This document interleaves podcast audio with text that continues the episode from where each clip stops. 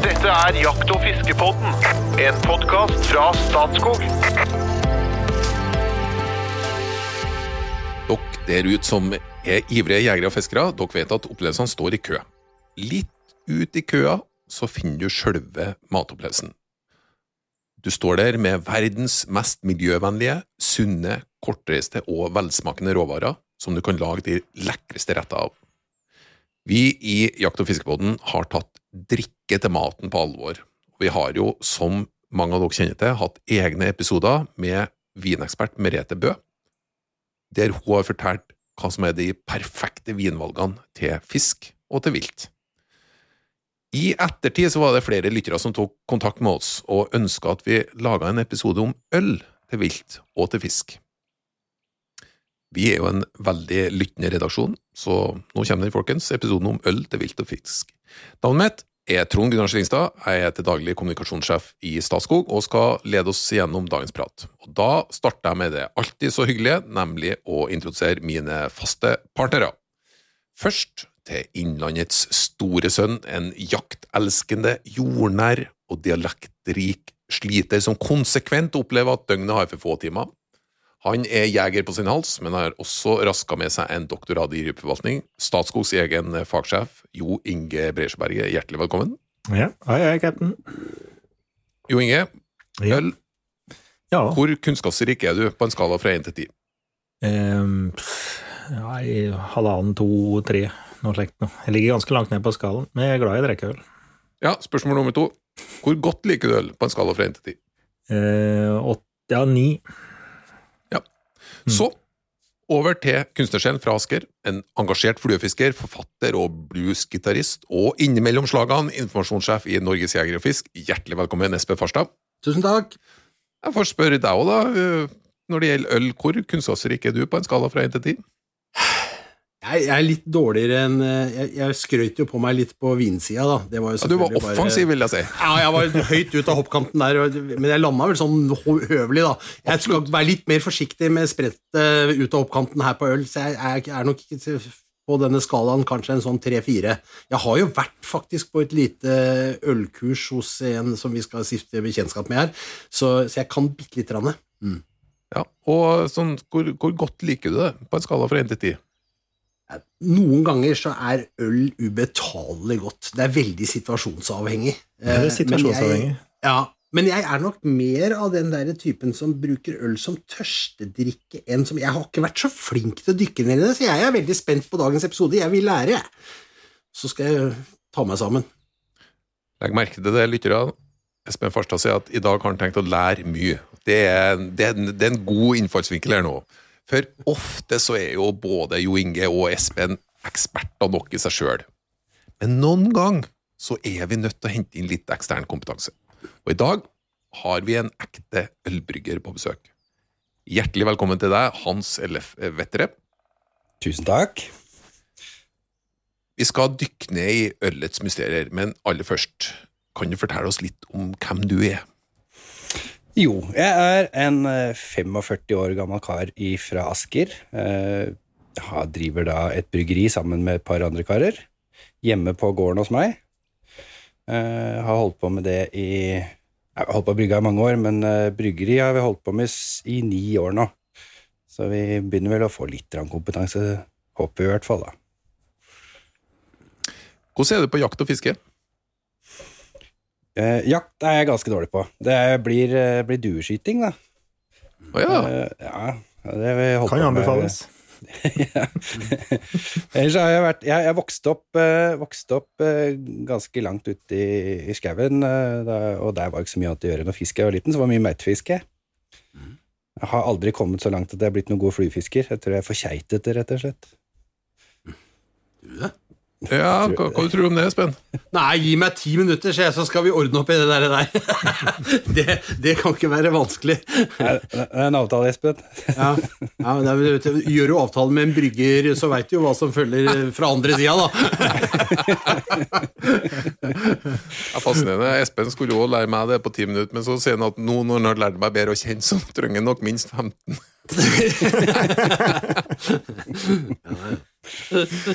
Vi kjenner jo fra tidligere tida at de drakk mjød, Og så vet vi litt at eh, øl brygges på ulike måter. Og noe er med alkohol, og noe er uten alkohol. Eh, Men eh, kan ikke du ta en litt sånn Øl for dummies, en liten sånn introduksjon i hva, hva er øl, og hva gjør øl til øl? Ja, det er jo, det er jo liksom fascinerende. Det er jo en sånn evig krig mellom vinfolk og ølfolk om hva som kom først. Eh, Men så veldig, veldig enkelt så er jo da øl er korn og vann sammen som gjærer. Det er sånn, helt sånn basicen på øl. Så eh, men så har vi da i tillegg så pleier vi å tilsette humle i ølet, eh, litt for at det skal holde lenger, og for å gi en litt smak i det. Men det som gjør øl til øl, er jo da eh, vann, korn og gjær. Det er liksom helt sånn så basic som du kan få det. Ja, og eh, du nevnte humle. Hva er humle? Humle er en eh, klatreplante, en staude, eh, flerårig, som er ganske nært beslekta med cannabisplanten, faktisk. Ser litt ut som villvin. Vokser, det er veldig mange som antageligvis har det, i hvert fall på gårdene, sånn, så vokser det gjerne vilt. Og det man bruker i øl, er hundplanta. Den får sånne grønne, ser ut som små kongler, egentlig, som er det som er humla som vi plukker, da. Og det er da et, eh, et tilsetningsstoff, rett og slett. Hvor får du humle ifra? Kan jeg spørre om det? Er det, det, det er ikke slik at du lager den sjøl, eller? Nei, vi driver og prøver så godt vi kan, da. Vi er klimaet i Norge for Altså, humle er jo ikke humle. Eh, Humle er liksom, det er litt sånn som druetyper, druetype, kan du si. Det er eh, Det fins vel 130-140 forskjellige typer. Mm. Eh, og alle har forskjellige kvaliteter. Det, eh, den norske urhumla, på en måte, den som man på en måte finner rundt omkring, den, den kan du godt bruke og, og gi en sånn bitterhet som man kanskje kjennetegner sånn Hvis du tenker sånn pilsnerøl, da, den bitterheten som du får der, den kan du kanskje klare å få med norsk humle. Men ikke en sånn aromahumle, for den, hvis man gnir en sånn kongle, så lukter det hvitløk av den. Hæ? Mens uh, disse her som du får Vi importerer mye fra USA da, og Tyskland. Mm. Og da får du helt andre aromaer, som kan være alt fra melon, sitron uh, Noen som til og med har sånn pepperaktig uh, aromaer. Da. Så, så klimaet i Norge sliter litt Eller klimaet er litt for tøft for en del av de der aromahumlene, dessverre. Men Så humle er smaks, den viktigste smakssetteren gjør du? det er én av de. Ja. Det er som et krydder. Det er som et krydder. Krydder, ja. Tenk på det som uh, pepperen. Men du sa, noe, du sa noe med holdbarhet der òg? Ja. Det er et, eh, altså Humle er et konserveringsmiddel. Uh, og derfor så er det så, så, så kjapt så er det blant annet som man tenker Mange snakker om dette som heter IPA, som det er det der eh, Ja. uh, engelske erkeølet, på en måte. Eh, India Pale Ale. Og der tilsatte man veldig mye humle, blant annet, for at ølet skulle holde mye lenger. For å klare den der overfarten fra England til India, da. Ah, så det, var, det er kolonialistølet? De skal ha med seg sitt eget øl ned i de varme koloniene, og da måtte de tilsette humle, og så fikk du den der ursure, vonde IPA-ølen. Unnskyld at jeg gikk litt kraftig ut der nå, men den er jo ikke god. Nei, det er jo litt sånn, det er sånn tungekrøller, da, i hvert fall eh, hvis du får det som i dag betegnes som gammalmanns-IPA. Du, eh, jeg synes det var veldig fascinerende. Umiddelbart fascinerende. Men jeg, altså, jeg skulle må høre litt mer om humle, forresten. Er det, er det da, betyr det at det humle er alt øl? Ja, i en eller annen form og i, i et eller annet sånn prosentandel så er det øl i all eh, Nei, humle i all øl. Det må ikke være det, men alle har det. Men du, fortell, hvor starta den fascinasjonen hos deg? Hvor hvordan starta øleventyret ditt?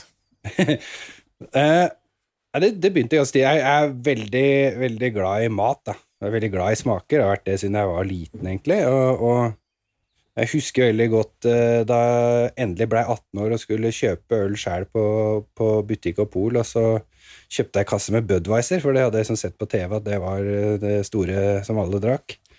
Og blei utrolig skuffa. Jeg syns det var utrolig triste saker. Så da valgte jeg allerede der den gangen å begynne å gå liksom det Særlig sånn hvis du var i, i, i Sverige, på polet, der hvor det var litt andre, litt mer utvalg og litt mer morsomt, så gikk jeg alltid der hvor det var litt sånn støvete i hylla. Og da var jeg ofte mer på sånn mørkt litt sånn uh, traust øl som uh, ingen syntes var så veldig spennende, egentlig. Uh, og begynte å liksom se på smaker, rett og slett. Uh, mer bare smake meg fram til hvorfor Altså hva smaker det, og hvorfor smaker det sånn. Og så begynner liksom Jeg har sånn hjerne som begynner å tikke. Så hva kan man bruke dette her til? Hvorfor, hvordan vil dette pare med for eksempel da, type mat, eller hva det skal være? Så fascinasjonen har vært der helt siden jeg egentlig begynte å drikke øl, tror jeg. Hvis du begynte med Budwiser, så har det jo bare gått oppover. ja, det var jo innrømme, det er mulig at jeg begynte med noe annet før det, altså, men eh, det var i hvert fall det jeg husker, så var det liksom det første jeg kjøpte. Ja. Jeg kan en Budwiser-vits, kan jeg få lov å ta den? Nei, jeg bare kom på den nå, for at, vet du hva som er likheten mellom en Budwiser og det å elske i en kano? It's both fucking close to water. Skjønner? Så det er, det er tynne greier. Ja. Denne podkasten er ikke sponsa av Budwiser. Nei, ja. Jeg husker jeg prøvde det jeg var i USA. Da måtte jo, vi måtte jo prøve Budwiser. Det var en stor skuffelse, altså. Det var, må jeg si. Ganske traurige greier. Men eh, du begynte da på et tidspunkt å eksperimentere med å lage ditt eget, da? Ja, det er riktig. Vi eh, holdt på litt så på kjøkkenbenken med noen sånne ekstraktvarianter som vi kjøpte på Europris og litt sånn, eh, med vekslende hell. Eh, da var vi jo ikke så gamle, så da var det jo om å gjøre å få mest mulig alkohol ut av det. Så det betydde at man skulle øke sukkerinnholdet, sånn at det ble så sterkt som overhodet mulig. Det resulterte jo med at det selvfølgelig smakte jo helt grusomt, men det gjorde jo jobben, på en måte. ja. Du prater, du, prater til, du prater, til, en trønder nå så han skjønner hva du sier. Ja, ja, ja. Han nikker. Ja. Nei, eh, og så Litt sånn tilfeldig så møtte jeg på en kar eh, Vi hadde barn i samme klasse i ja, rundt 2006 eller noe sånt, som eh, var også sånn ihuga ølfan, da. Men han hadde drevet og brygga hjemme sjæl siden 90-tallet. Oi! Så han var ganske dreven mm -hmm. allerede den gang. Uh, og så ja, det begynte jo med at vi holdt på litt uh, sånn i smått, og så bygde vi oss et lite bryggeri, og så stifta vi da Vettre bryggeri i 2012. Uh, som et sånt resultat egentlig av mye sånn ja, mye øl og mye brygging. Og, og, i dag er det hvilken type virksomhet er det? Ja, nå har vi Vi er fire heltidsansatte, så har vi da Vi har to steder hvor vi på en måte har sånne si, pub slash serveringssted, så det er jo en ti-elleve deltidsansatte også. Så vi begynner å bli en liten gjeng. Ja. Imponerende. Hvor henter, du, hvor henter dere kunnskap? Hvordan har du økt kompetansen din? Det er jeg nysgjerrig på. Jeg er jo da som sagt sånn som på en måte elsker å smake på alt mulig rart. Eh, Marius, som da på en måte er han kompanjongen som, eh, som, jeg brygger mest sammen med, han er sånn eh, ordentlig nerd. Så han er sånn som leser seg gjennom bøker fra perm til perm. Mm. Så i en sånn kombinasjon så blir det ganske bra. Jeg sier hva vi skal lage, og så veit han hvordan det skal gjøres. Det men er dere aldri på studietur til Tyskland, liksom, eller, eh, eller Tsjekkia, kanskje, som er eh, Eller Belgia. Mm. Nei, ja, det er klart. Altså, man, man, reiser vel kanskje ikke på ferie på samme måten som man har gjort tidligere. Det blir ofte et eller annet med destinasjonen hvor uh, du har noe du har lyst til å, å teste ut, da.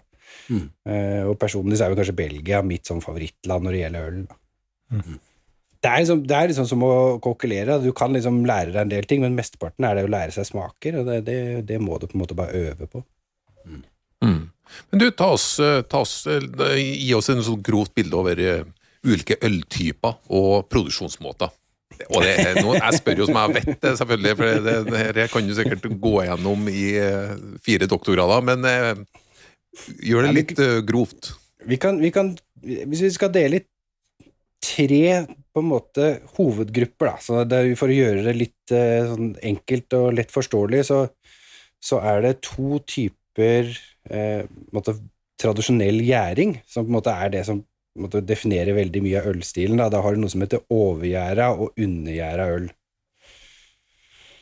Overgjæra øl er eh, typisk sånn som pale ales og altså sånn tradisjonelle engelske typer. Altså, da tenker man at du gjærer i et tilnærma et lite svømmebasseng, hvor det er helt åpent.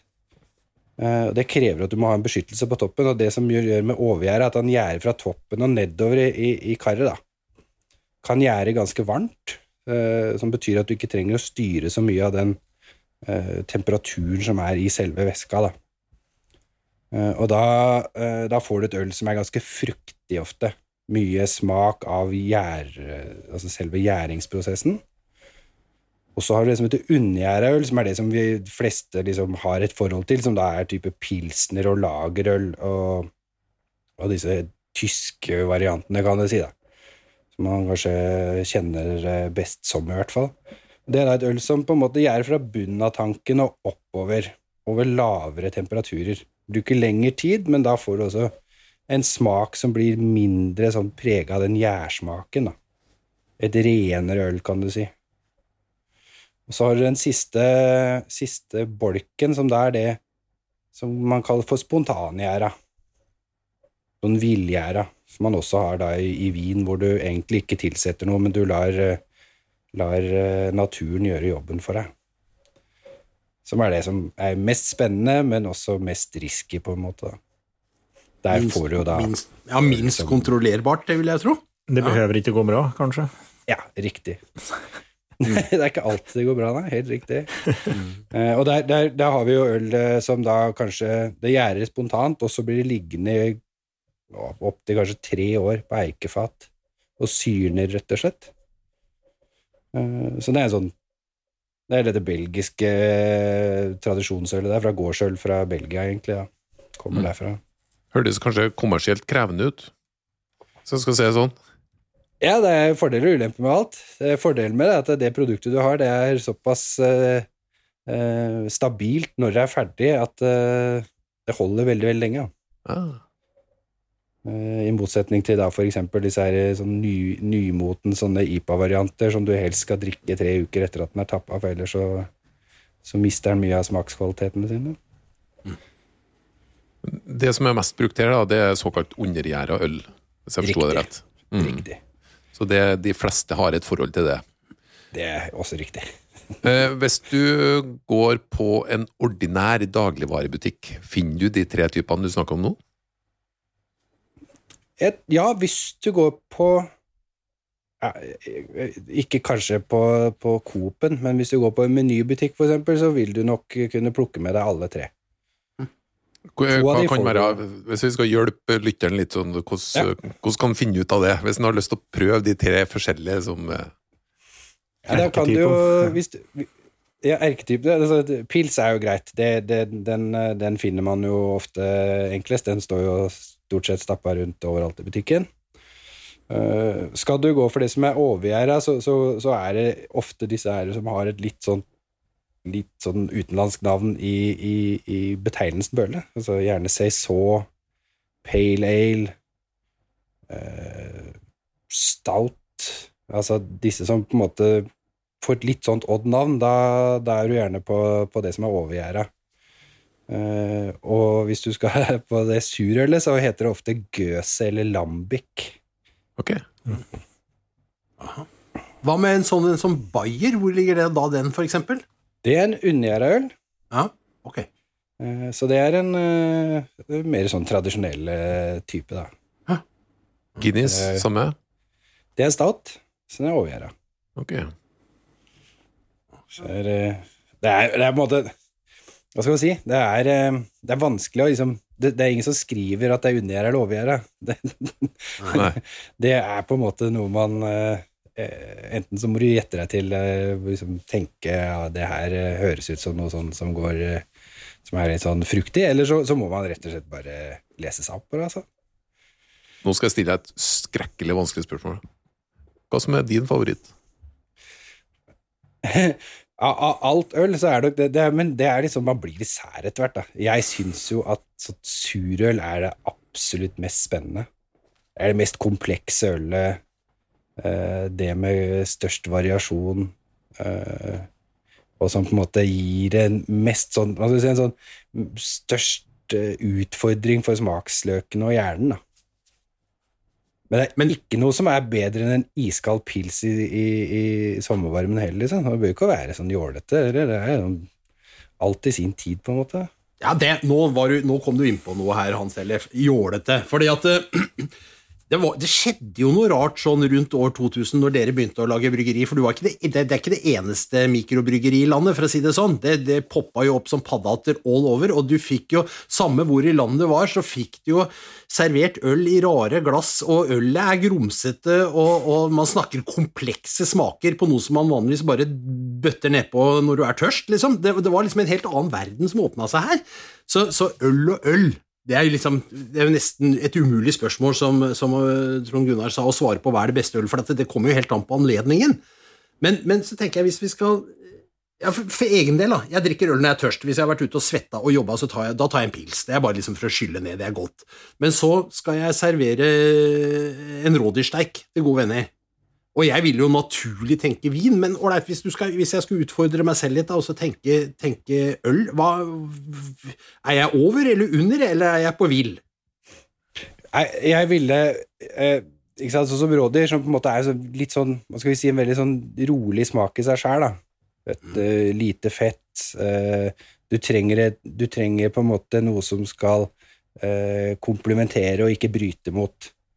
Så da ville jeg, hvis jeg skulle gått for øl, så ville jeg faktisk gått for eh, gjerne noe som kalles for en dunkel Münchner. Eh, på storebroren til den norske Bayern, da. Litt, litt rundere, eh, gjerne litt eh, høyere alkoholprosent. Litt sødme? Litt grann sødme, men ikke voldsomt mye. Men eh, den bærer godt, og den, den vil funke veldig bra med viltkjørt, og særlig hvis du da har litt med vanlig med tyttebær og alt dette ved siden av, så vil du få en sånn eh, Da vil den bidra til å øke smaken, og ikke bryte den. Her er øl litt bedre enn vin, på en måte, når vi kommer til for Da vi hadde eh, Merete Bø, som er vineanmelder i Dagens Næringsliv, og vi prata om akkurat dette her med tilbehøret til vilt, så var det sånn at hun Altså, egentlig så skulle du ikke hatt verken tyttebær eller trakkantar eller chutney eller noe annet godt, ikke sant, fordi at det egentlig krasjer med vinen. Her er øl mye rausere. Ja, vi, liker, vi liker å si det. Ja. Eh, Jeg, jeg, jeg er jo Altså, jeg er veldig glad i vin, jeg misforstår meg rett, men jeg mener jo at ofte så er det lettere å finne en øl som passer, enn en vin som passer. Når du får vin og, øl som, nei, vin og mat som passer eh, sammen, så er det fantastisk. Men noen ganger så krasjer det så mye at man tenker her kanskje jeg skulle prøvd noe helt annet. Uh, og da er, eh, er øl Øl har et større spenn. Mye forskjellige uh, smaker innenfor samme kategori også, uh, på en litt annen måte enn det vin har. da. Så det er ikke noe spesielt tilbehør det krasjer med her. Øl, vil du si. Jeg tenker du tilbehøret eller, eller viltet, da, for eksempel, når du skal finne den som passer. Nei, jeg vil tenke helheten. Jeg må alltid tenke helheten. Så jeg liker jo å vite alt hva jeg skal lage, for eksempel, sånn at jeg tenker at ok, her passer dette her. Eh, men ofte så, så syns i hvert fall jeg at eh, det er lettere å, å pare opp hele komboen, på en måte, med en øl. Mm. Fordi ølen er litt mer sånn er litt mer sånn tilgivende enn det vinen ofte kan være. da. Har du flere, flere tips til lytterne? Når, og, og det er jo et ganske stort spekter av vilt òg, da. Eh, Det er jo det. Men det er jo litt sånn tommelfingerregler. Jeg liker å ha det, sånn at man på en måte kan tenke litt. sånn man liker vi. Ikke sant? og det er jo eh, Dess mildere kjøttet er Nå tenker jeg bare, Hvis vi bare holder oss til kjøttet, da, du tenker Mm. typedyr, så, så, så ville jeg ha valgt eh, lavere eh, humlestyrke, altså litt sånn rundere øl, og, og gjerne litt mørkere øl. Eh, for husk på at liksom, øl er jo egentlig på en måte et flytende brød, på et vis. Ja. Ikke sant? Tenker du et, et mørkt, litt sånn søtt øl, så har du litt sånn eh, rugbrød, et eh, brød med en god stekeskorpe på, da. Eh, Og dette kan du liksom tenke litt opp imot maten også. Hva ville funka her? Hadde det funka med loff, eller ville det funka med liksom, eh, en ordentlig sånn mørk rugbrød, eksempel? Den var bra. Den er bra, Hans. Den likte jeg, den sammenligningen der, for den klarte jeg å kjenne meg igjen i umiddelbart. Ja. Ikke sant? Selv enkle sjeler som meg forsto det. Ja, det er bra. Nei, også, også gjerne litt lav eh, alkoholstyrke. Eh, skal du ha en ordentlig kraftig si, en, grilla villsvin, så det på en begynner å liksom bli litt fett, og det, det er sånn, da kan vi godt gå opp en del alkoholstyrke, og også i smak. Da kan du ha noe som kanskje bryter ned fettet. Ja. men har du et, eh, et, eh, et kjøtt hvor det på en måte er litt sånn eh, snilt, så ville jeg vært veldig snill på ølen også. Ikke gå på en sånn 14 Ja, ikke motsatt. Så det blir litt tøffere øl til snillere vilt, liksom. Men eh, det står i Nei. stil. Ja, jeg, jeg ville ha gjort det. Mm. Det er helt sikkert masse morsomme kombinasjoner man kan gjøre, og man henter opp mye, men som en sånn grunnregel så ville jeg vurdert det. Men fisk, da, som, ja, fisk da, som er så, så mildt og snilt i forhold, liksom, stort sett, ikke sant? Så ja, det fins jo selvfølgelig Vi kan jo snakke rakfisk og sånn også, men altså fisk i sin naturlige form, Mm. da, da må vi jo helle mot litt snille, lettere øltyper, da, kanskje. Det hadde jeg gjort, i hvert fall. Og da ville jeg ha, ha vurdert å prøve eh, enten en sånn belgisk hvitt eller en saison som er litt fruktigere, men ikke søte. Mm. Eh, men som har et ganske sånt eh, rolig sånn humlepreg. Jeg syns jo personlig at hvis jeg sitter og spiser ørret, så, så, så er det godt med en pils, men jeg syns pilsen blir litt sånn skarp. Mm. Eh, Mhm. Så hvis man har en som er enda på en måte hakket rundere, så blir det en bedre matopplevelse, syns jeg, da. Fordi her, her skjer det det samme som med vin til maten, ikke sant? at du får en sammensmelting til, til, til, til et høyere nivå. Ja, det er jo det man er ute etter, ikke Ja. Men av de, av de enkle spørsmålene, hvilken temperatur er det på ølet du serverer nå? Ja, da kan vi igjen komme med tommelfingerregler. Er- Ja. Vi må ha det keep it simple.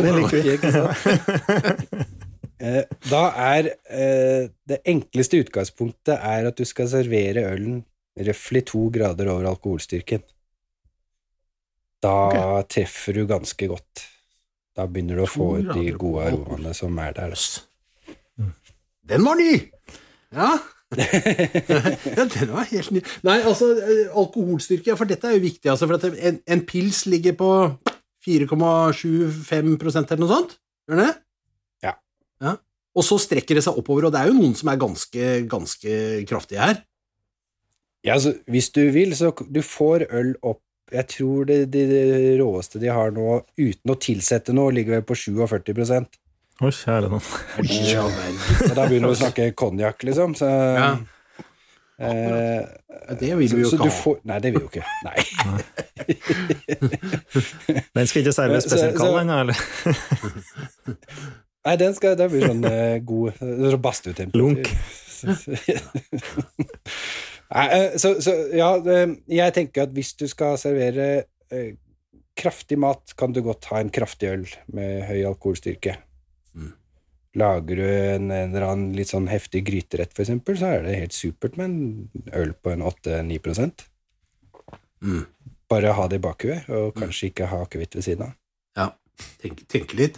Apropos øl, øl og, og fisk, eller øl og Altså, jeg har eh, med hell lagd mange ganger blåskjellgryte hvor blåskjellene er kokt i øl. Da bringer jeg ølet inn i maten. Ja, Det er jo fantastisk godt. Det er supert. Det er Ja. kjempegodt. Hvilken øl skal jeg velge da? Nei, da igjen så går du mot disse belgiske. Altså, er du, er du i Belgia Belgia sin, eh, er- har jo deres eh, nasjonalrett er jo mol fritt. Ikke? Det er blåskjell og pommes frites. Ja. Eh, og de serverer det gjerne med da en, en, en eh, eh, hvitt eller en saison eller en dobbel som på en måte er en litt kraftigere lys øl. Ja. Eller en belgisk trippel som er enda litt hvassere, da. Eh, men det er fremdeles et lyst øl. Mye, mye, mye smak av kornet, og ikke så ivrig på humlinga, egentlig. Men jeg har kokt blåskjellene i bayer. Ja, ja, ja. Det er kjempebra, det òg. Ja. Men igjen, så da har du også et øl som ikke er så sånn skarpt. Da. Hvis du prøver å koke det i pils, for eksempel, så vil du få en litt mer sånn eh, litt så skarpere smak i det. Så du trenger den litt sånn sødmen, litt sånn fylden i bånn der. Da.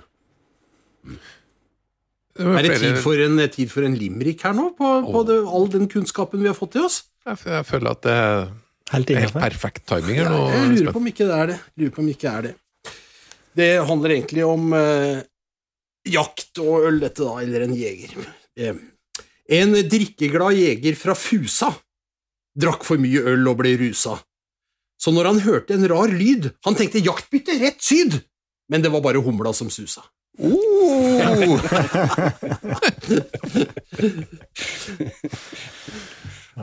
Så kjære lytter, når når jeg nevner at Espen av og til kanskje Det er nesten sånn like å være litt uforberedt når han får lytterspørsmål og sånn, så, så må jeg bare få sagt det. Han er stålforberedt på limerick. Han er limerick-kongen over alle limerick-konger, altså. Ja, jeg trenger jo ikke kommentere det, får jo lytterne vurdere det. Jeg, jeg ser jo selv at det er jo ikke like høy kvalitet på alt, men akkurat denne satt vel egentlig ganske bra, gjorde den ikke det? Ja. Ja, nå Helt var det god. Ja, helt innenfor. Vi, vi har jo en tradisjon her i poden at vi, vi spær for en venn. Hvis det er noe som har skjedd, ikke sant. Eh, Jeg har en venn som er glad i å grave kjøtt, for eksempel. Som gjør det med alt mulig rart. Eller speke, da. Det både, både jeg sjæl og en venn. Her ville du anbefalt deg det, da, for eksempel? Så speking er derfor litt salt, kanskje, og graving ja. kanskje noe søtt, eller?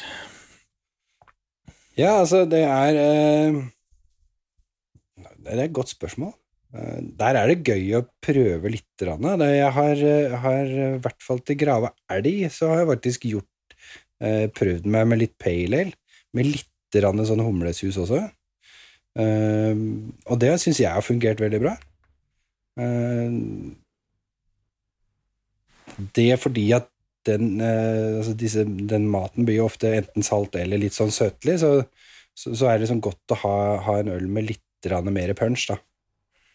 Så, så en eh, snill pale ale, ikke en IPA, Espen, men en, eh, en pale ale, da, da får du et øl med, med litt mer kropp og litt sånn humle, humlearoma, uten at det blir sånn voldsomt uh, og tar over, da.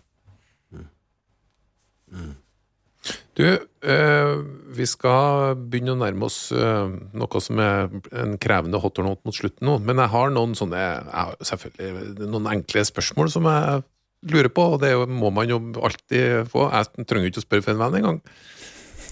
Hvis ølet du har kjøpt går ut på dato, blir det da dårlig og udrikkelig? Nei, øl blir sjelden dårlig. Altså, du blir ikke dårlig av det. For å si det sånn, da. Det, det blir ofte Kan godt få en Ja, det kommer jeg tilbake til. Ja. Det kan vel skje, det òg.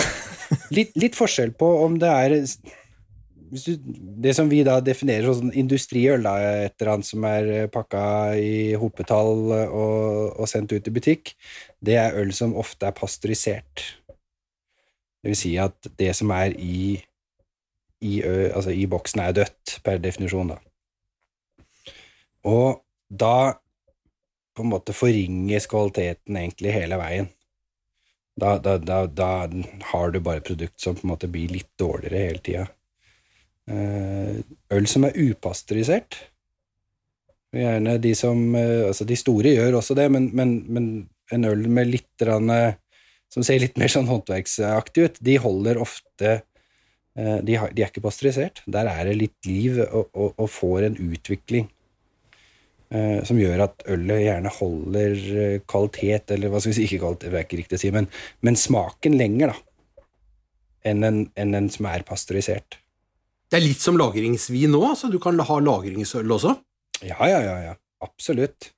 Eh, vi har vel eh, Hos oss så har vi øl eh, hvor vi er ja, Så lenge det ikke er sånn surøl, så har vi vel mørkt. Alkoholholdig øl kjører vi fem eller seks års holdbarhet på. Ja. Mm. Surøl har vi vel sånn 10-15 års holdbarhet på. Ok. Hva da med kullsyre oppi, oppi det hele? Ja. Eh, jeg drakk for ikke så lenge siden Jeg fant noe gammel øl som uh, fattern tok med hjem fra USA. Fra, det var fra 94. Oi. Eh, det var en det var en eh, noe alkoholholdig øl. Det var 7-8 eller noe sånt. Men den åpna vi, da. Eh, og den var helt flat. Kullsyra var borte. Eh, smaksmessig så lå den mer sånn mot sånn sherry. Men det, ble ikke dårlig av det, men, eh, men det ble mer som en sånn likørvariant enn en, enn en øl, da. Mm, Så det, ja Kullsyra blir borte på de som bare har kork, altså vanlig stålkork, da. Kunne du tilsatt kullsyre der da? Jeg, jeg har prøvd å tilsette kullsyre i øl med sodastrimmaskin. Det er, er ikke å anbefale. Nei. Spruter utover kjøkkenet, liksom? Korrekt. Ja. ja. Men ja, du kunne sikkert da, hadde du hatt et, et ordentlig utstyr for å tilsette kullsyre på veien, så ville du sikkert kunne liksom jazza det opp igjen, da. Mm. Eh, Men smaken ville nok vært ganske annerledes enn det den var da den var ny. Hvor viktig vil du si alkohol er for ølsmaken? Den er vel ikke uvesentlig? Nei, absolutt ikke. Eh, Jeg vet jo at de fleste i min bransje, da, de, de liker best øl fra 5,5 til sånn underkant av 7% som en sånn gyllen sånn regel. Men derfor så ønsker jo mange at man skulle kunne få lov til å selge øl litt mer kommersielt opp imot kanskje 6,5% eller noe sånt, da. Fordi den 4-7-grensa som vi har, den er litt sånn kunstig laga. Det ble gjort i forbindelse med sånne kompromisser da man skulle lage de nye alkoholreglene. Det blir gjerne Ja, slik. Ja, de gjør ofte det. Politisk kompromiss. så, så, så i en ideell verden så, så burde pilsen ha vært kanskje 5-5,5% Da hadde du fått en helt annen smak. En mer sånn kompleks, litt mer sånn fyldig smak i pilsen enn det vi er vant til, da. Jeg jakte med en, eh, en danske som, eh, som hadde serveringsstelle, Han drev bowlinghaller, og så hadde de serveringsstelle i tillegg til Han forbanna det juleølet. Det var ja, ca. 7% eller noe. Folk ble jo tullete mye fortere til det enn vanlig øl. Ja, nei, så, så, og har du en, har du en ordentlig sånn vass uh, type sånn, Du kan få en belgisk kvadruppel på 8-10-12% så, så gir jo den en helt annen opplevelse. Mm. Men, men det er jo ikke noe du kan sitte og bøtte. Du kjører ikke en sekser av det til tippekampen, liksom. Det, det går ikke. Nei, Nei men, men på, en, på den andre sida så har vi jo alkoholfritt øl. Ja. Hva er dine tanker Ja, så lager du det? Ja, vi kan ikke. Igjen så er det for at vi har ikke utstyret til det. Hadde vi hatt en sånn pasteri pasteuriseringsmaskin, så hadde vi helt sikkert gjort det. Eh, men å lage, lage alkoholfritt øl uten at du på en måte dreper gjærceller og alt i ølet, det er sånn vanvittig bingo. Jeg skjønner. Et visst erstatningsansvar som kan Ja. Ja, det, det, er, det, det, er, det er flere som har gått på en smell der, for å si det sånn, så det, det tør vi ikke. Men eh, jeg syns jo at alkoholfritt øl er fantastisk. Altså, det er masse godt, og det er blitt så utrolig mye mer enn det det var, da.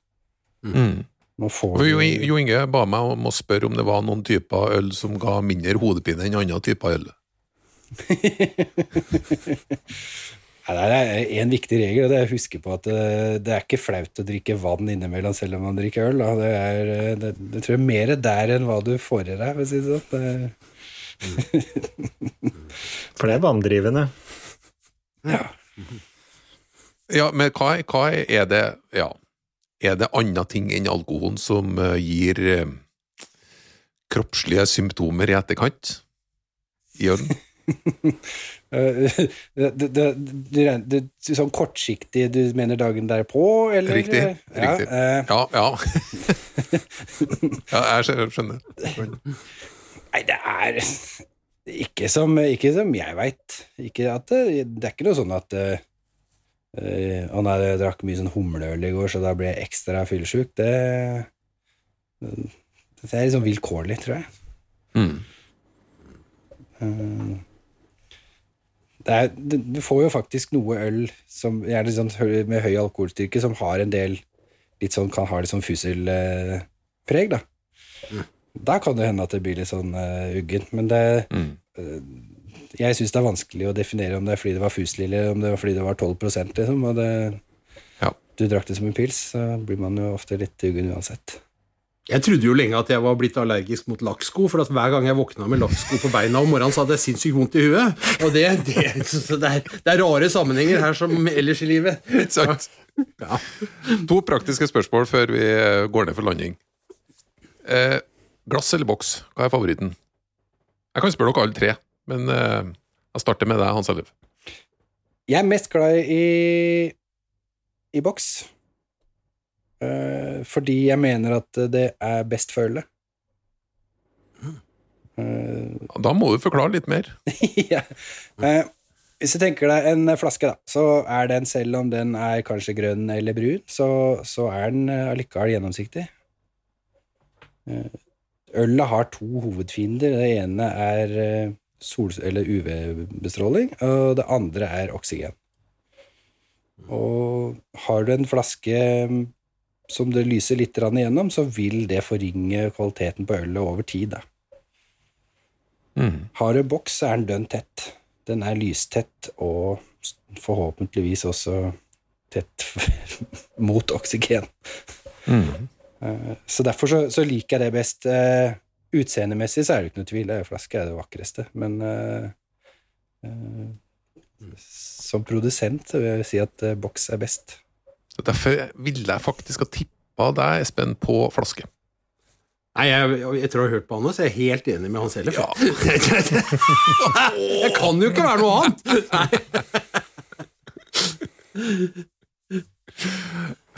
Jeg, jeg må gå videre til deg også, Jo Inge. Ja, ja. Nei, jeg, Boks, jeg har, jeg har nok tendens til å ende opp på, på boks, da. Det er det jeg får tak i. Det er jo ikke det helt store utvalget her Bård, da. Det må jeg si. Og jeg syns det er moro å prøve nye ting. Når jeg bodde på New Zealand, vi farter rundt, de har en veldig like, tradisjon med å, å brygge øl, alle stand. Eh, Litt engelsk tradisjon. Så prøvde vi nytt øl alle stand vi kom rundt omkring, da. Det syns jeg var kjempeartig. Jeg synes det er moro å smake nye øltyper, bare få prøvd nytt. Og da, jeg legger meg til da jeg kommer i en butikk der de har litt større utvalg, så ofte de, de litt mindre merka, eller de som er produsert, da, liksom Hans Herre for dem gjør, de har lett for å være på flaske, har jeg lagt merke til. Jeg vet ikke om det er bare de jeg har prøvd, men det, det har en tendens til å være det, i hvert fall. Men det, det meste jeg får tak i, så er det jo på boks, ja. Så det blir jo å foretrekke det. Mm. Og så har jeg hørt da, i tillegg, akkurat samme som Hans Ellef, at det er en bedre måte for å bevare kvaliteten på det. Og da, siste praktiske spørsmål, 033 eller 05? Og da tar vi omvendt rekkefølge. Jeg foretrekker 033, jeg, da. Espen? Nei, jeg, jeg, jeg vil jo ha mengde. Null. Hans Ellef? Vi kommer med kompromisset. Altså, vi kjører det 044, hvor du får en eh, Du har det midt imellom. Men da føler du deg bare snytt, for du tror du kjøper en halvliter, så får du ikke det. Nei, helt, helt riktig. Helt riktig. Nei, hvis jeg må velge mellom de to, så vil jeg også kjøre 033. Det, Jeg gjør det ut av temperatur. eh, Altså, ja. Det kommer på hvor tørst den er. da. Espen drikker jo øl som tørstedrikke, og da går den jo rett ned. Det er Eh. Men hvis den, en halvliter syns jeg kanskje kan bli litt varm på slutten. Men kjære lytter, nå skal vi snart bevege oss eh, inn på en hot or not. Takk for følget. Først en liten oppfordring. Verv gjerne en venn eller ti inn i Jakt- og fiskebondens herligheter. Vi har stadig plass til flere lyttere. Følg oss på Facebook og Instagram, og har du lyst til å få en automatisk beskjed om nye episoder, så trykker du følg eller abonner på plattformen der du hører på podkasten. Det koster uansett ingenting, du abonnerer bare på et varsel.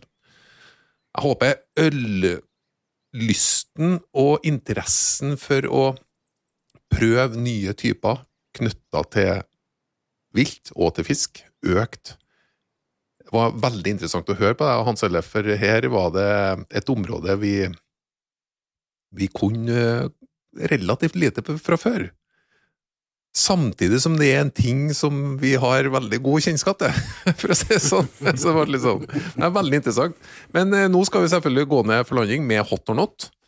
Eh, vi kjører følgende rekkefølge. Espen, Hans Ellef, Jo Inge. Og vi starter. Tomtebrygg, hot or not? Hot. not. Hot. Bilmerket Range Rover, hot or not? Not. Hot. Ja. Jeg må nesten si hot, ja. Du, eh, Espen Michael, hva, hva var det for noe? Nei, altså, Selv med mine engelske aner og avstamning, så, så tar jeg avstand fra engelske biler generelt sett. Dette her er jo bare tull.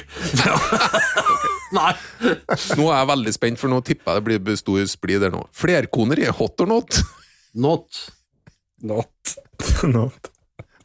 Var det enda godt, da? For så kunne vi skapt bra oppmerksomhet der. Ok, gjør det litt vanskelig. Sesongkvote i rypejakta. Hot or not? Hot. Hot. Not. Ant meg. Sideliggerhagle. Hot or not? Not. Hot. Ja, hot. Ja, ja, ja, ja. Har de fluestang? Hot or not? Nei, Not. Not. Ok, vi skal ta den siste fra Åge Aleksandersens album To skritt frem. Egentlig liksom kjærlighet og sånt, ikke sant? Hot or not? Not. Not. Det var hot på alle sammen. Tusen takk for følget, og hjertelig velkommen tilbake neste fredag.